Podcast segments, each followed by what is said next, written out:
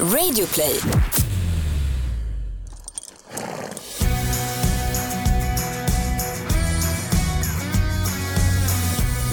Varmt välkommen till ännu ett avsnitt av podcasten Ridklubben med mig Gry Forssell. Och mig Rebe- Rebecca Lagid. Ska vi börja med att tacka våra sponsorer Scanbio.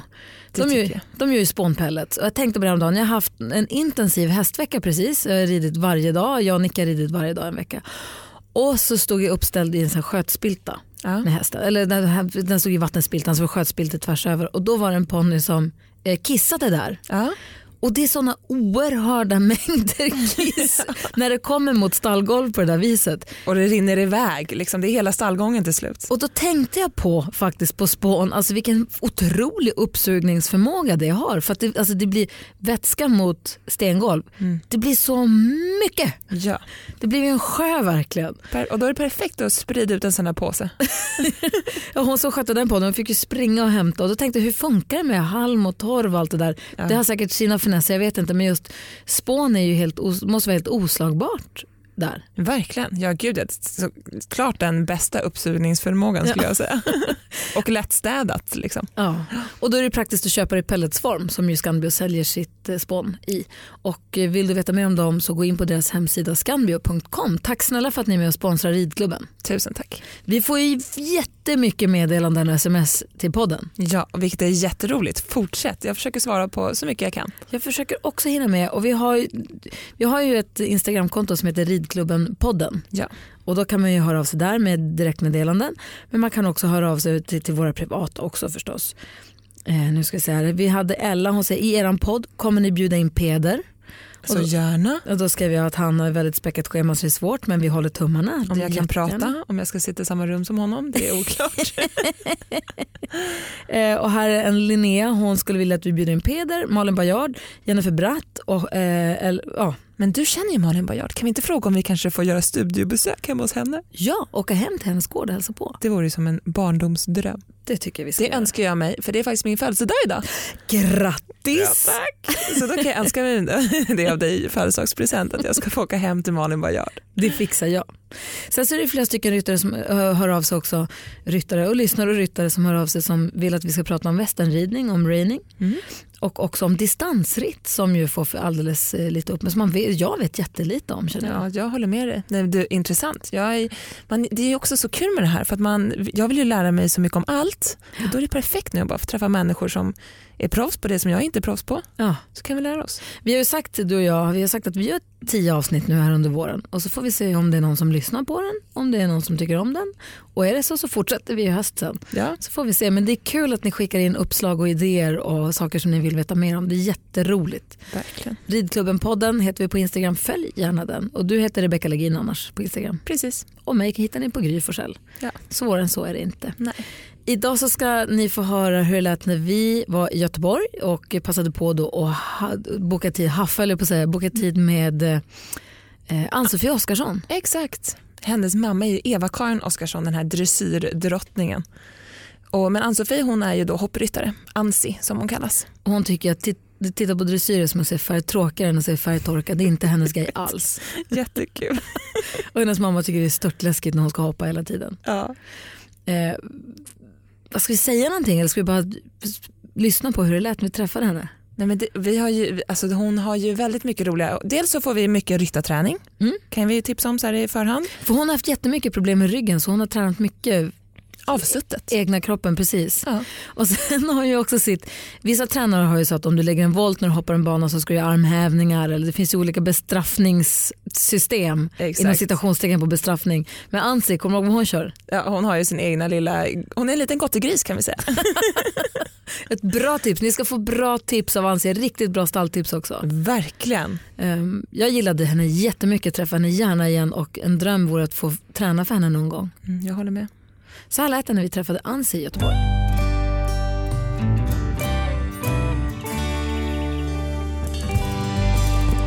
Hon är tjejen som har varit hästtokig sedan dag ett. Hon fick sin första ponny Gitte när hon var tre år och idag har hon tagit upp flertalet hästar till svår klass. Tagit massa medaljer i SM, NM och EM. Titta på dressyr, det är som att se målarfärger torka och hennes stora dröm är att rida OS i hoppning mot sin mammas stora nervositet. Välkommen till ridklubben Ann-Sofie Oskarsson Helsi. Tack. Kändes det bra? Ja, det var jätteroligt. Vilken research. Vi får godkänt från Ebbe. Ja, men- Berätta om Gitte. Oj, ja Gitte hon var en B-ponny. Nej det var hon inte alls, hon var en C-ponny. Just det, för min mamma hade betäckt våran B-ponny med Urbino som var ett svenskt halvblod och det blev Gitte. Det kom ut alltså en C-ponny. Ja, så, ja, den, det, det, var, det var min första häst, riktiga häst. Jag hade haft någon shetlandsponny innan som jag eh, tävlade på. Ja. För du verkligen växte upp i stallet med hästarna. Din mamma tävlade ju i dressyr OS och eh, ville väldigt gärna att du också skulle bli dressyrtjej. Ja, hon kämpade väldigt hårt och hon, eh, hon fixade så att jag fick låna någon sån här jättefin SM-ponny som hon ville att jag skulle tävla på. Jag vet att hon tvingade ut mig att rida några klasser. Hon fick mig att kvala till SM. Eh, men eh, samma helg som det var SM så var jag så ledsen och förstörd eh, och ville så gärna åka och hoppa en lätt C-hoppning i typ Munka Ljungby. så till slut fick jag övertalat henne att skippa SM i dressyr för att hoppa lätt C i Munka Ljungby. Åh nej, jag känner att jag måste prata med din mamma hur vad hon har gjort för fel. För jag har ju en dotter som är nio fyller tio nu. Ja. Och jag skulle så gärna vilja att hon blev dressyrtjej. Hellre. Mm, jag förstår det, men ja, nej. Eh, tyvärr. Men för din mamma har ju tyckt att det är läskigt när du hoppar. Hon har inte vågat titta på egentligen och Nej. tycker att det är obehagligt för hon är rädd att du ska gilla dig. Ja, ja, gud ja. Alltså det, har varit så, det har varit så jobbigt så till slut så orkar jag inte med henne alls på tävlingar. För att hon, eh, eh, hon, hon när hon följde med så det bästa för henne var om det fanns såna toaletter, du vet när du sätter på lyset så börjar en fläkt. Ja. För då, för då gick hon in och satte sig på den här toaletten och, och liksom satt där inne tills hon kunde räkna ut att jag hade hoppat klart och då gick hon ut. Så det var inget kul att ha med henne ändå, även om man var liten och behövde liksom hjälp. Eh, och sen så eh, när jag blev liksom äldre fick hon inte följa med och då var det så här, det första hon ringde mig alltid när jag kom ut från banan och då var det liksom så här, åh du överlevde. Ja. Ja, fast det är ju inte mitt största mål i livet. Liksom. Och även om jag då var jättebesviken för någon, eh, eh, något resultat så var det liksom, hon lyssnade aldrig på det örat. För så länge jag var okej och inte hade ramlat av, det var liksom det enda som var viktigt för henne. Så att, åh gud. Men det är sann mammakärlek det. Ja, Så är det ju. ja. Det är ju det viktigaste. Jo, absolut. Men, men så är det ju också så här att det är klart att man har skadat sig och ramlat av. Men det är ju faktiskt så att den största delen sitter man ju faktiskt kvar på ryggen. Så man kan ju tänka lite med, med oddsen och liksom, Nu när vi ses här så är vi i Göteborg. Ja. På Skandinavium på tävlingarna. mm. På Gothenburg Horse Show. Jag är här för första gången i livet. Jag tycker det ska bli jättekul. Vi kom precis, jag har inte hunnit titta på någonting än. Är din mamma med? Nej. Nej. För det var så här att jag eh, fick ju veta att jag skulle rida här bara för en vecka sedan. Ja. För att jag var eh, första reserv eh, med min häst och, eh, ehm, så att, eh, och så blev det en strykning och då ringde de. Men det var som att du hade känt på dig att det skulle bli så. Ja, alltså det är faktiskt eh, roligt. Vi sa det. Jag var ju då sexa på Breeders och det var de fem bästa som kvalade. Eh, och jag sa så här, nej nu lägger jag upp en plan eh, för min häst och för mig som att vi kommer få rida i Göteborg. Eh, och jag, så i november så gjorde jag en hotellbokning. Du vet, och, ja, men du vet så, så crazy egentligen när man tänker på det. Och så sa jag så här till min man då, eh, så att det är så konstigt, jag har en magkänsla att jag kommer få rida. Eh, och sen så hade jag ju pratat med Emily på Lövsta och hon sa vi tar bara in reservet till 20 mars. 20 mars gick och jag skrev ändå till Emily frågade ingen som har strykt. Hon bara nej jag är jätteledsen det är ingen som har strykt sig. Så bara sa jag så här igen, jag bara alltså jag tar inte bort den här hotellbokningen för att jag jag, liksom, jag har en känsla att jag får rida. Och då börjar ju ändå Ebbe, liksom min man, då, eh, så här, mm, ja. Mm. Och sen så bara ringer de den 25 liksom. Vad sjukt. Ja. Och hur var det att komma hit med så kort varsel? Ja, det- Även om du nu var förberedd. Du har ju alltid vetat så så kort varsel kanske inte var. Men ändå. Jo, men det, var, det var jätteroligt för det är så här att jag har ganska späckat schema i min vardag. Jag har jättemycket träningar och har hästar och elever. Men jag hade blockat den här veckan. så att, så att det var liksom bara så här: wow, jag får bara få göra det här på riktigt. Liksom. Hade du åkt hit annars och gjort det på låtsas? Liksom? Ja, men ja, alltså jag, jag tror att jag hade kanske kämpat mig hit på något vis. För min mamma hade ändå liksom, ja, hon trodde hon kunde fixa biljetter och sådär. Men så, så var det ju så att det är lite så här när man är en sån inbiten människa, hästmänniska som jag. Man vill ju vara där nere, man vill se framhoppningen. Man vill som igår, jag gick världscupbanan och alltså man vill kunna göra det. Så jag var ju så här, ja men jaha, jag är ju ändå ledig den här veckan. Så, så att jag, jag hade inte ens börjat tänka så för jag var fortfarande säker på att jag skulle få Det är så härligt och det är säkert det som gjorde att du Ja kom men det hit. är ju det här lite tankens kraft. Man får ju lite grann, alltså man lär ju sig någonting av det här. Ehm, Och också att man inte bara säger nej jag kommer inte med så då skiter jag i det. nej. Och boka upp massa annat. Och, utan hålla den där lilla dörren öppen ända in i det sista. Det tror jag Mm. är en grundinställning som jag tror man har med sig. Ja, faktiskt. Så det var... mm. Och sen tänker jag, man gör ju ändå en tävlingsplan för hästarna. Mm. Eller så, så man ska ändå ha en plan. Och då är det väl ganska smart att ha en öppen dörr om det nu kanske finns en liten glänta. Precis. Och sen var det ju så lite grann för att det är ju tufft. Alltså, sjuåringarna hoppar ju en 40-final här på söndag. Och min häst har det är ju några här som inte ens har hoppat 1,40, alltså sjuåringarna. Och min häst hoppade en 1,40 av misstag, höll jag på att säga, för, för några veckor sedan. Eh, och, eh, och det var liksom, den är inte färdig för det. Eh, alltså, så att det blir ju lite skräckblandad förtjusning på söndag. Men eh, jag, jag, jag, det är som jag sagt, att det är den där, jag hoppas bara att min häst får tre bra runder här för, för framtiden sen. Hur råkar man hoppa en 140-bana? Exakt vad jag tänkte också. Jag ska också råka hoppa en 40 någon gång om jag Nej, ska vilken göra det. mardröm. Jag vill inte det. Nej men det var faktiskt så här att eh, de har ju börjat en ny sorts tävling som heter ATG Riders League. Och eh, alla vi ryttare i Flyinge hade inte läst propositionen så klassen vi anmälde oss till var ett kval till ATG Riders League. Och grejen var så att jag hade fyra fel med min eh, fina sjuåring eh, och blev liksom nummer 60 och jag visste ändå så här att det var bara de 40 första som kvalade och jag skulle ändå inte rida om jag kvalade. Eh, det var bara så att det stod i propositionen att man var verkligen tvungen att rida om man kvalade. Men ingen hade läst den.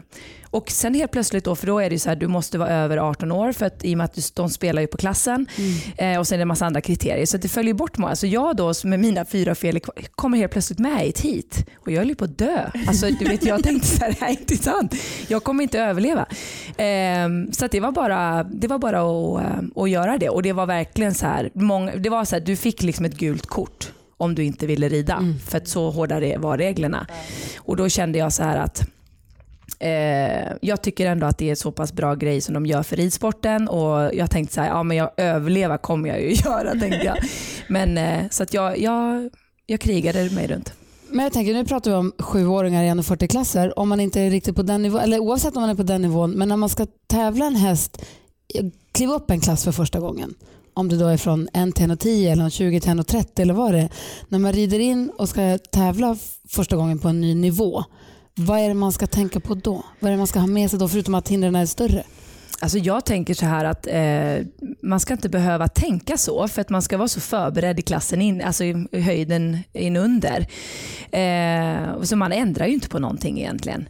Utan eh, det var mer att i mitt fall i det här så hade jag liksom tänkt att det var, det var två månader bort en sån här eh, debut. Mm. Och inte för att hon egentligen inte klarade det nu men bara för att jag hade velat haft några andra, några till 1,35 i kroppen. Liksom.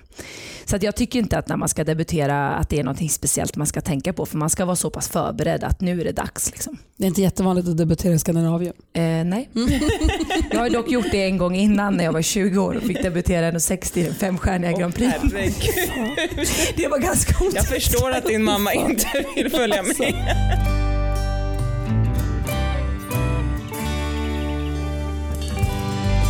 Vi har fått jättemycket lyssnarfrågor faktiskt till dig. Eller Ja, faktiskt, men jag ska exakt. låta överraskad. Emelie och Amanda de undrar, vad är det sista du tänker på innan du går in på banan? Eh, jag tänker nog egentligen bara igenom banan. Alltså, alltså jag tänker hur jag ska rida. Ja. Eh, hela tiden memorerar allting. Ja. Det är nog det enda jag tänker på. Du har Faktiskt. inget sånt där mantra som Nej. Du säger till dig själv. Ibland när jag är nervös då brukar jag tänka så här, en minut, håll ut, det är bara 60 sekunder. Ta ett djupt andetag och så Nej, riktigt så obehagligt tycker jag Jag skulle precis säga, du tycker det är bara att hålla ut en minut och du sa att nu var det i och för sig debuten 1,60, det kan man förstå, det var extrema för Men ska inte vara, du ska, man ska inte vara rädd väl? Nej men ibland är man nervös. Mm, ja. Alltså ett av mina absolut starkaste, eh, vad säger man, Eh, egenskap som ryttare det är att jag är så extremt i bubblan från att jag sitter upp på min häst. Så att jag har liksom, eh, alltså under de mest konstiga formerna liksom av olika du vet, saker som händer i livet så har jag alltid kunnat gå in på banan och bara leverera. Jag, ser, du vet, jag är bara sån. Eh, och det, är, det är inte jättevanligt. Men, så att jag har liksom ingen sån grej utan jag, jag bara kör. Vad är det för tips för, till oss andra då? Som, hur ska vi komma in i bubblan? Alltså det, det, det, där är jätteindividuellt. Eh, men jag tror att det viktiga är att man inte låter ehm, eh, om, man måste stänga av omgivningen. Man måste ha en person som är med, som hjälper till kanske med hinder och så. Eh, som man litar på, att man har gjort upp innan. Det här är dina uppgifter, vi kommunicerar, så här vill jag hoppa fram, jag vill sitta upp då och då. Man måste vara förberedd. Man ska inte liksom göra några nya beslut eh, när man väl har liksom börjat sin framridning och framhoppning. Eh, för är man förberedd så är man inte nervös. Alltså, jag vill säga det. Mm. Eh, men det är som jag, jag, jag ändå kände mig, jag var inte nervös men jag kände ändå, för jag var inte, min häst är inte förberedd för att gå in i Skandinavien. Det är ingen av de här hästarna här. Mm. För de har aldrig sett en sån här arena. Så att, då, men då måste man också tänka på det. Att det här är förutsättningarna. Min häst har aldrig varit, den kanske vänder och springer ut. Okej, okay, ja då händer det. Det är inte så mycket jag kan göra. Eh, men hela tiden vara riktigt förberedd. Mm. Vad skulle du säga? Nej, men att, det är så viktigt att de människorna runt omkring en vet vad som förväntas av dem. För många som är lite yngre, man har föräldrar, då alla vill ju att prestationen ska bli så bra som möjligt men det är oftast det som som sätter käppar i hjulet. Att liksom en pappa vet inte vad som förväntas och kanske säger fel saker eller för mycket saker. En mamma. Eh, ja, men, och sen är det något syskon som ska hjälpa till med någon framhoppning som helt plötsligt har tappat fokus och är någon annanstans. Att det, liksom teamet runt vet inte vad de ska göra och så blir det liksom inte bra. Att även om man är hobbyryttare och hobbytävlar så är man liksom på jobbet när man är på tävling? Ja men det är det, fokus. faktiskt. Ja. Men det är så, om du skulle hjälpa din dotter nu på tävling så, då är det så här att hon, hon måste tala om för dig hur, hur, hur ska du vara? Vad är det hon behöver hjälp med? När vill hon att du ska vara med ponnyn på, på, på, på, plats? Alltså, om jag någonsin kommer vara med Nicky på en tävling då kommer jag tyvärr vara någonstans och bajsa på mig av nervositet. Jag kommer inte vara i närheten. Vad, du ska inte vara med på tävling hör jag. Du, du får skaffa någon som hjälper Nicky. Ja, jag kan följa med Nicky. Jag kan hålla i ponny och jag sänka hinder. Jag kommer sitta i bilen och lyssna på radio. Ja. Och där tror jag, jag är nog lite den andra eh, blocket då. Att då gör jag hellre allt själv. Mm. För mamma har varit med ganska mycket på tävlingar och mamma är bra. Hon är väldigt så lugn och trygg. Nästan lite för lugn så att man måste liksom leta upp henne ibland för att hon sitter och dricker kaffe och snackar skit med någon. Uh -huh. Och då är jag nog lite så här, jag vill gärna göra allt själv. Och ja. det är ju svårt när man hoppar och sitter av varje gång man ska höja ett hinder. Ja, det är svårt. Hur ska man tänka när man ska hitta den där personen som ska hjälpa mig? Det där är svårt för jag ska tala om för att jag är precis likadan. Inte nu med det här med att höja och sänka hinder men med mycket allting annat ja. runt omkring. Jag har väldigt svårt att släppa kontrollen. Eh, men som nu när vi är här till exempel, jag vill gärna gå ner och, och, ta liksom hälften av promenaderna själv med min häst. För jag vill liksom se hur den mår och titta den i ögonen. Och liksom, jag, vill, jag vill hela tiden känna av. Ja. Och nu går ju det på ett sånt här ställe när man har en häst. Men är man en, en, liksom, en ryttare på en, en, några nivåer till som har kanske fyra hästar och massa starter hela tiden. Då måste man ju ha en person som man vet hundraprocentigt litar på. Ja. Um, och Jag tror att det, det, det, är egentligen samma sak igen. Att Den personen som ska göra det här måste veta vad som förväntas av den och man talar om tydligt så här vill jag att det ska vara. Och Känner man och ser att den personen gör det då kommer man ju kunna släppa på, på, på taget lite grann. Ja, um, så att jag, jag, tror att man måste våga släppa på kontrollen men man måste också vara väldigt tydlig i sina instruktioner att, så att de förstår vad som förväntas av dem. Jag läste någonstans att du sa att du, vill, du har fokus på att bli bäst. Och kan du inte bli bäst på det här, ja, då får du hitta något annat att bli bäst på. Ja, men Varifrån det, kommer den inställningen? Ja, men det, där, det där måste jag ha sagt för ett par år sedan. Eh, och det stämmer nog. Alltså att jag, jag hade väldigt länge liksom drömmar om att eh, ja, men, rida i landslaget och rida i världseliten och så. Och Det är ju inte så att jag inte har de drömmarna fortfarande. Men eh, jag också inser ju vad som krävs för att vara där. Eh, och jag bara väljer att jag vill inte vara någon bitter människa som sitter och är avundsjuk på de som rider där för att de har möjlighet att ha sådana hästar eller eh, utan det. Utan eh, jag gör det på min nivå nu. Jag plockar fram mina egna unghästar jag åker ändå och tränar för, mina, för Meredith och Marcus Beerbaum. Jag skapar, har, får liksom inspiration. Och sen just det där att jag har hela tiden brunnit otroligt mycket för tränarrollen. Och då har det varit liksom, det har stått på min bucket list hemligt eh, i ett par år att jag verkligen vill bli A-tränare i hoppning. Liksom, det är ändå det, det, högsta du kan bli på papper. Um, och nu har jag blivit det. Um, och det betyder ju inte att man eh, inte har massor kvar att lära, för det har jag. Men det är lite det du just tog upp, att nu vill jag liksom bli en riktigt bra tränare och har börjat liksom att ta upp ganska mycket bra elever som tävlar på lite högre nivå. Och jag tycker det är roligt att ha elever på alla nivåer för det har jag. Allt från liksom en meter, 90 centimeter till 1,50. För jag ser det också som en utmaning att kunna förmedla kunskap på alla nivåer mm. eh, och då få utveckling. Så att bara jag känner att jag utvecklas som person eh, och inom mitt yrke så är det inte så att jag måste rida ett OS. Det hade jag jättegärna gjort. Men jag vet också vad man, jag vet vad alla de här som är i världseliten offrar och hur mycket pengar och sponsorer man behöver bakom. Och idag är det, handlar det inte om att någon kommer med fem miljoner här, nu kan vi göra en OS-satsning, utan det är ju liksom 100 miljoner. Alltså om du ska köpa hästar och liksom, det är ju det är helt crazy. Så att någonstans måste man titta på det på realistiskt, men drömmarna finns kvar. Men, eh, men samtidigt så gör jag liksom verkligheten också eh, rättvis. Vi har en fråga angående beerbombs. Ja, exakt. Johanna har skickat eh, in och frågar hur kommer du i kontakt eh, och började träna för Meredith och Michael Beerbaum? Eh, ja, men det var roligt. Det är också sån här, lite den här jävlaren amman som har varit mig hela mitt liv. Meredith har alltid varit en jättestor idol. Eh, och det är jätteroligt för nu har jag känt dem i liksom 11-12 år och jag är fortfarande starstruck när jag träffar henne fast jag liksom typ känner att jag blir liksom, jag är 38 år och fortfarande blir så här bara, oh, wow. Eh, men, eh, det, och det är så skönt att fortfarande känna så, att man kan bli så inspirerad utav någon i sin egen sport. Men i alla fall, så jag, hon vann världscupfinalen här, tror jag 2006 eller 2007 på Shutterfly. Åkte direkt till Strömsholm och skulle ha en klinik. Eh, och så fick jag vara med och rida på den kliniken och, och sådär. Och sen så bara tänkte jag, nej det är nu eller aldrig. Så jag stegade fram till henne och frågade om jag fick komma dit och träna. Och det fick jag. Så sen efter några veckor, jag kommer inte ihåg exakt tid, så åkte jag dit med tre hästar och tränade i tre veckor. Och sen så var det liksom bara det bästa jag gjort i hela mitt liv. Så sen tog jag tjänstledigt från Strömsholm. Jag, jag sålde en av mina hästar för att ha råd att göra det här också. Mm. Sålde mina hästar, eh, eller några hästar och eh, åkte dit i fyra månader med mina fyra hästar ensam och var där från morgon till kväll och det är fortfarande den bästa tiden i mitt liv. Jag har aldrig lärt mig så mycket. Eh, och det är världens mest underbara människor. Eh, fortfarande, idag tränar jag eh, mestadels bara för Marcus, hennes man. Eh, och Det är också det är liksom lite praktiska skäl. De fick barn och ja, han är också en fantastisk tränare.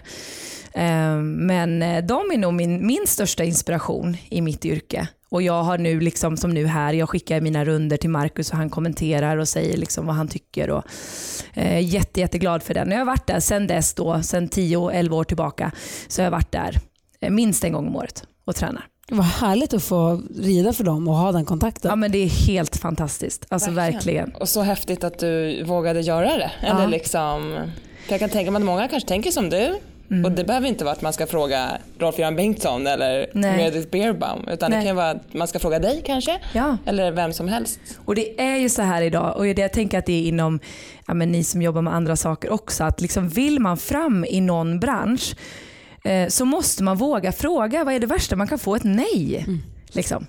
Mm. För om du inte frågar så frågar någon annan. Så är det eh, och, eh, nej, Jag är jätteglad för det. det har varit ett par sådana episoder i mitt liv som när jag verkligen har vågat ta steget och så då har det liksom kommit något jättebra ut av det. Så att, eh, så kom jag i kontakt med dem. I snålblåst, svetslågor, på hög höjd eller med tung last tar du risker varje dag. Genom att erbjuda bästa tänkbara skyddsutrustning och rätt verktyg för jobbet kan vi göra ditt jobb säkrare. Och säkerheten har aldrig varit viktigare. Så välj Swedol. För säkerhets skull! För säkerhets skull. Nej. Dåliga vibrationer är att gå utan byxor till jobbet. Bra vibrationer är när du inser att mobilen är i bröstfickan. Få bra vibrationer med Vimla. Mobiloperatören med Sveriges nöjdaste kunder enligt SKI.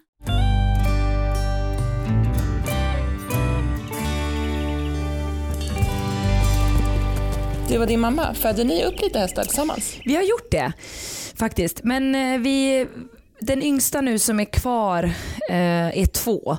Eh, vi sålde vårt avelsto. För att det är ju lite så här, det är ju nästan dyrare att försöka producera hästarna själv än att köpa dem som föl sen. Eh, och det också krävs, jag har ingen egen gård och inte min mamma heller. Nej. Utan då ska du liksom inackordera eh, stoet och det, det blir väldigt kostsamt. Ja. Så vi bestämde oss för ett par år sedan att nu, eh, nu, nu räcker det. Så att, eh, men vi har kvar en tvååring från våran stam, ett sto, som faktiskt eh, Ebbes föräldrar äger hälften i. och eh, jag Ebbe äger hälften, som, och den, så den är tänkt att behålla. Så det kan mycket väl bli en sån som vi avlar på sen. Men och då kom ändå din mamma, gick med på att liksom, ta fram hopphästar? Ja, hela tiden. Ja. För det var ändå lite så att när vi började avla så var ändå hon Alltså hon hade ju avslutat sin karriär, alltså hon red ju fortfarande lite och så.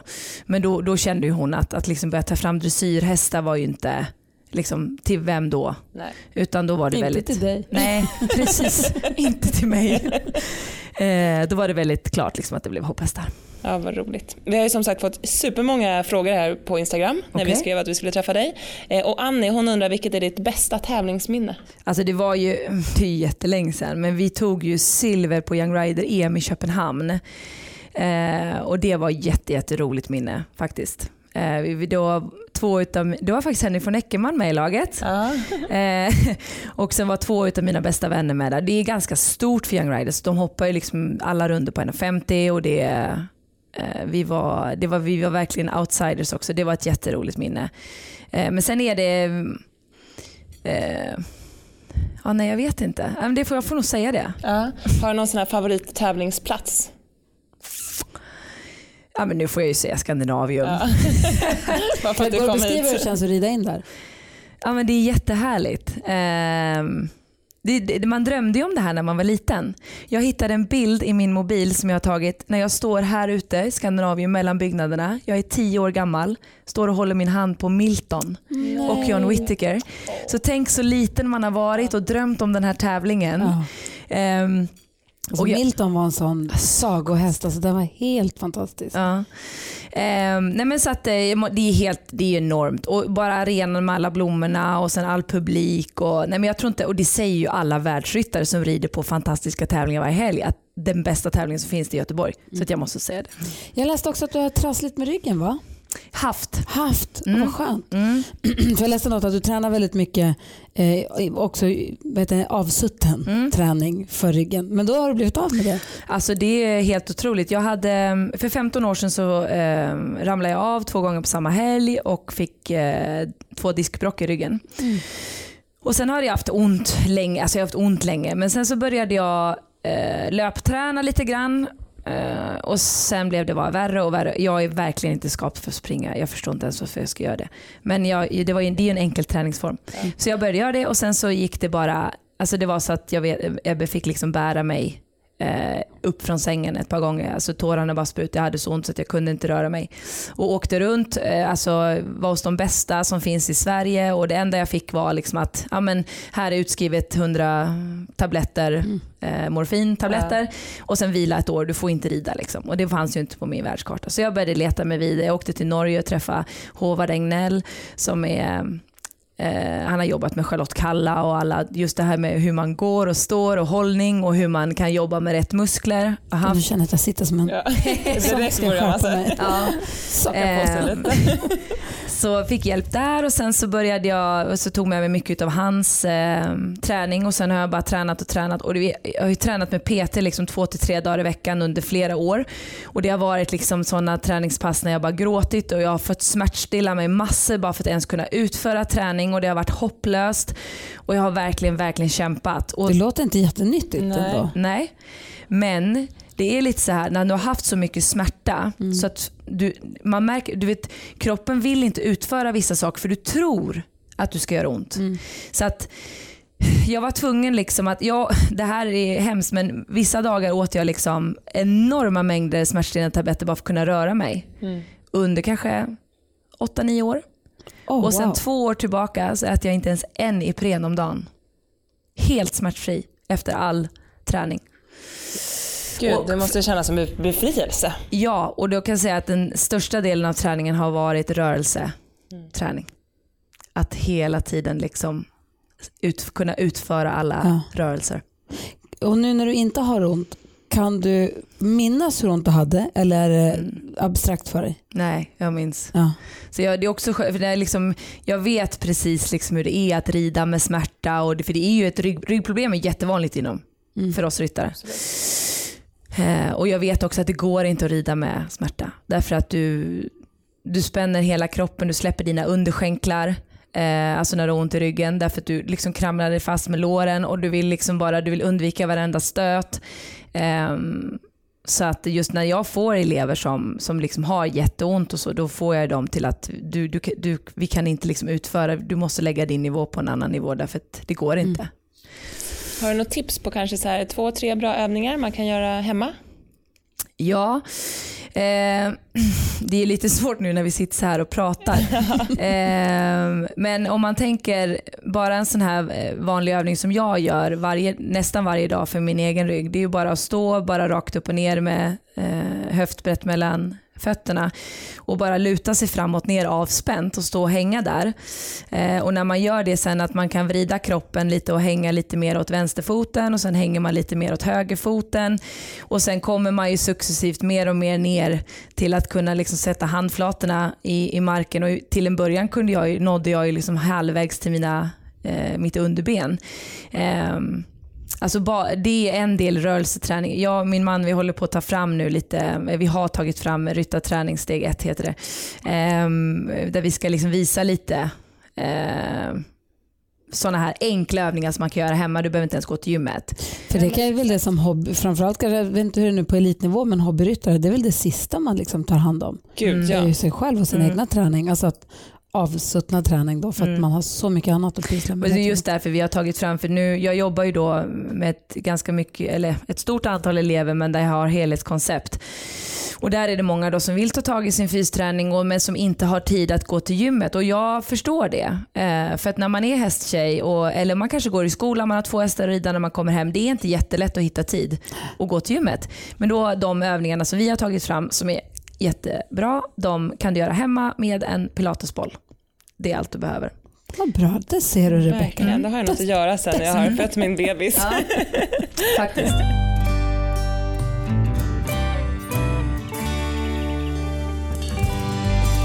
Just det, var för kul. Vi satt och läste. Favorit, om det, jag vet inte om det stämmer. Eh, Vi har inga frågor på det egentligen. Men favoritmat? Sallad, kött, frukt och lussekatter. Alltså du vet, ja. Det är så kul tycker jag. har jag verkligen skrivit lussekatter? Ja, med Ja. stora bokstäver. Ja men alltså du vet lussekatter är det absolut bästa jag vet. Vet du, jag har haft som hela vintern när jag har träningar, det värsta jag vet är när folk lägger volter när vi har bestämt att vi ska hoppa. Du vet när man börjar en andning och så styr undan. Det, alltså, det händer ja. inte. Så nu har jag infört en, eh, ett, ett straff. Så varje gång någon voltar så får de baka 25 lussekatter. Vi- Alltså du vet folk kommer med säckar. Du vet jag var i Kalmar och hade kurs. Ja, så var det någon som voltade så då skulle jag ju åka hem. Så nästa gång jag kom då kom de med två. Så att jag, jag älskar lussekatter, det är absolut det bästa jag vet. Det för kul. Också ta med det som favoritmat. Ja. Och så är så ändå strikt och noga och tränar. Och, Fast jag ska också säga så här, jag eh, tränar För såklart för att bli stark och få eh, ett längre liv och må bra. Men också för att kunna äta allt jag vill. Ja. Det är jätteviktigt. Jag äter jättemycket godis eh, och jag älskar lussekatter. Så att eh, då när det är lussekattsperiod får jag bara träna lite mer. och så. Det gäller att de tar slut fort så att det blir en lång vila nu från lussekatter. Exakt. Nu när vi träffas är vi i Göteborg och det är en jättestor tävling förstås. Mm. Men om man ska tävla en för sig stor tävling oavsett vad det är för något. Hur tycker du att man ska förbereda sig? Det är ju just det här att ta reda på igen, vad är det som kommer krävas av mig eh, när jag ska prestera på den här tävlingen.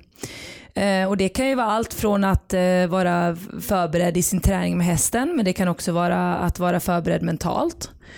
Eh, det är också samma där med mina elever som jag jobbar mycket med, att eh, många av dem har jag eh, försökt att lotsa till att ta hjälp mentalt, vilket har gett extrema resultat. För att en grej som jag inte kan påverka när jag står i ridhuset många gånger, det är just många tankar. Eh, och jag Eh, dels är jag inte utbildad psykolog eller mental tränare eh, och sen är det faktiskt så att jag är ju där för att jag ska hjälpa dem med träningen. Eh, jag kan, har inte tid att där och då stå och vara psykolog också. Så att när man, man märker att det behövs och skulle det då vara så inför en stor tävling att man tycker att det är jobbigt, man känner mycket press, eh, så är det just att man måste börja jobba med det mentala och det kan man ju såklart inte göra liksom en vecka innan en sån här tävling. Utan, men samtidigt har man nu gjort upp ett mål för den här tävlingen, då har man förmodligen vetat om den i oktober eh, eller november. Och då är det då man ska ha, ha tagit upp det här. Det här, det här vill jag liksom ska funka när jag är här och se till att det gör det. Det som är coolt med ridning tycker jag för mig är att det, det tömmer hjärnan helt. Mm. Om det är tjafs på om det är någonting på jobbet eller om det är något hemma eller vad det nu än kan vara så skrittar man fram då kan det finnas kvar där och ligga och gro någonstans. Men sen så helt plötsligt så har man ridit en Mm. timme och så har man inte tänkt Helt på någonting otroligt. annat. Eh, jag läste någonstans att det har att göra med om man, gör, om man utövar någon, någonting där man måste hålla balansen. Mm. Det är därför långfärdsskridskor, folk tycker så mycket om att åka långfärdsskridskor för Mm. att man måste hålla balansen, då går det inte att tänka på sant? något annat. Och också ehm, ja, men yoga är samma sak. Mm. Folk upplever att men gud, jag, nu har jag gjort yoga här, jag har inte tänkt på allt tjafs. Eh, och då kommer ju ridning verkligen in i det där. Mm. Men däremot, jag har ju nästan alltid en låt på repeat i huvudet när jag rider. Är det sant? Ett tag var det ju stiftelsens Om ditt hjärta slår, vad heter den? Om ditt Ja. hjärta Tycker inte att den är så himla bra förstår du. Så det var ju väldigt irriterande. Och nu har det bytt till, just nu är det Sweet But Psycho med Ava Max, alltid. Super, jag kan också inte hela låten, jag kan ju bara precis Oj vad en jobbigt. strof. Och så tänkte jag på Sigge Eklund som vi känner från radion. Han, när han åker slalom så tänker han alltid på Strangers in the night. Mm. Och då undrar jag, är det bara jag som håller på på det här viset? Eller Det- vad, har ni, vad har du i huvudet när du rider? Ja, ingen låt. Mm. Och jag har aldrig hört någon som har haft det faktiskt. Nej, jag tror inte heller. Jag, eller jag, när, om man rider på någon häst vi har ju så här viadukt vi måste rida under och det är inte alltid alla hästar älskar den Nej. från början utan man måste övertyga dem lite och då för att man själv inte ska bli spänd eller du vet skicka fel signaler då brukar jag sjunga på Pippi Långstrump. det är så här avväpnande. Men du sjunger högt ut och Ja, så ja, att ja, hästen ja. Gud, jag skrik, sjunger där för mig och alla andra. Här kommer Pippi Långstrump. Känner jag mig stark och trygg och du vet, håll den ut den igen. Det, ja, hittills har jag klarat den där viadukten. Men det är så här, jag brukar säga om allting. Allt som funkar är bra. Ja, så är det faktiskt. Ja, det funkar till fan. Jag får bara inte ut låten ur huvudet. Det jag, så jag ska, måste byta snart. Så. Vi brukar be våra gäster om ett stalltips. Ja. Om du säger här är mitt stalltips när det gäller hästar. Det kan vara i stallet eller i ridning eller i skötsel eller med prylarna. Du väljer ju själv. Ja, nej, men jag eh, tänker så här att när man vill bada sin häst inför tävling Ja. eh, och vill få den extra blank i pälsen så gör vi nämligen så att vi tar en hink och så, så tar vi ner det schampot vi vill ha och sen så häller vi barnolja. Och sen så eh, tar vi vatten upp i hinken så det är barnolja och schampo och sen så tvättar vi hästen och så sköljer vi av och så blir det extra blankt. Smart. Mm. För oljan ligger liksom lite kvar och blir lite blankig så. Så det är stalltipset för att få, eh, få extra fin päls. Jag ska hem och tvätta häst. Jag Jag måste tänker att man tar för prova. mycket. Den blir helt... Nej, Oj, men åker så mycket runt. Ja, jättekul ju. Nu skyller jag på dig om jag åker av. Ja. Det är bra tips. Ja, men eh, det blir faktiskt fint. För nu, du är A-tränare nu. Ja. Hur, hur, ser din, hur ser din tränarroll ut? Eh, e- egentligen redan från för ett år sedan så eh, såg jag behovet utav att att eh, de jag tränar behöver hjälp med så många mer saker än just den här lilla stunden i ridhuset. Så att ehm, eh, jag har tagit fram något som heter en coachinggrupp eh, och vi är ungefär eh, ja, 25, mellan 25 och 30 stycken i den här gruppen. Och eh, där får de hjälp med allt från tävlingsplanering, träningsplanering, eh, videoåterkoppling från tävlingar eh, och då ja, träningsåterkoppling, eh, ja, hjälp kanske då att hitta hästar eller de, de får hjälp eller med fysträningsprogram. Eh, vi vill få liksom knyta ihop säcken kring ekipaget. Men hur många hinner du träna då?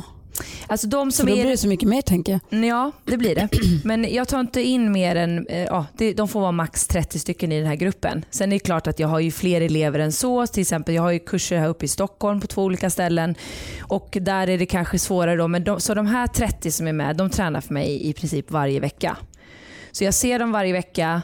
Eh, jag ser alla deras videos från tävlingar eh, och de får hjälp med eh, allt de behöver ha hjälp med. Jag är ett bollplank, likadant det här med när ska man till exempel kolla sin häst, att den är, mår bra och är frisk, när behöver den kiropraktik.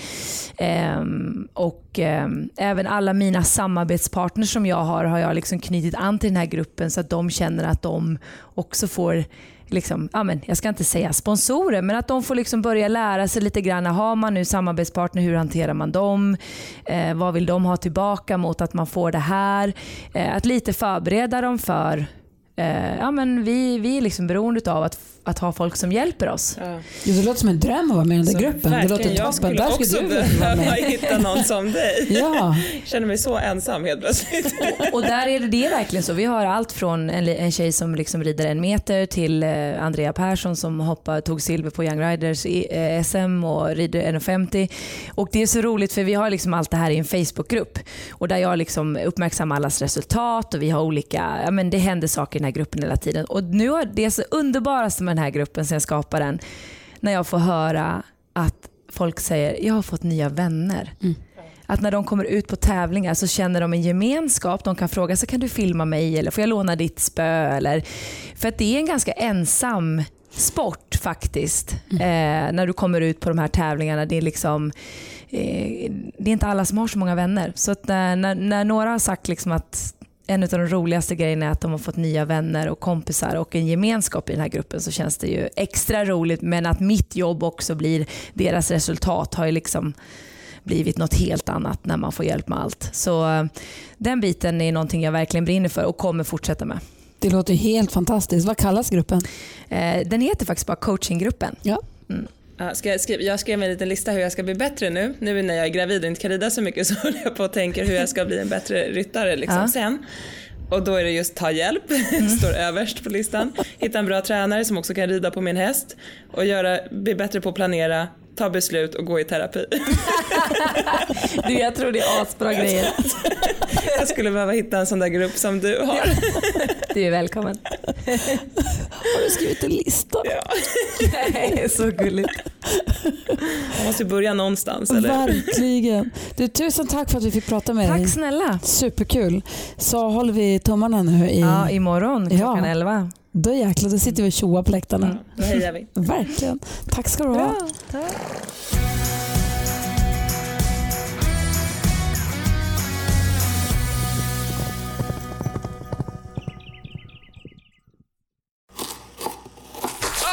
Dåliga vibrationer är att skära av sig tummen i köket. Ja! Bra vibrationer är att du har en tumme till och kan scrolla vidare. Få bra vibrationer med Vimla. Mobiloperatören med Sveriges nöjdaste kunder enligt SKI.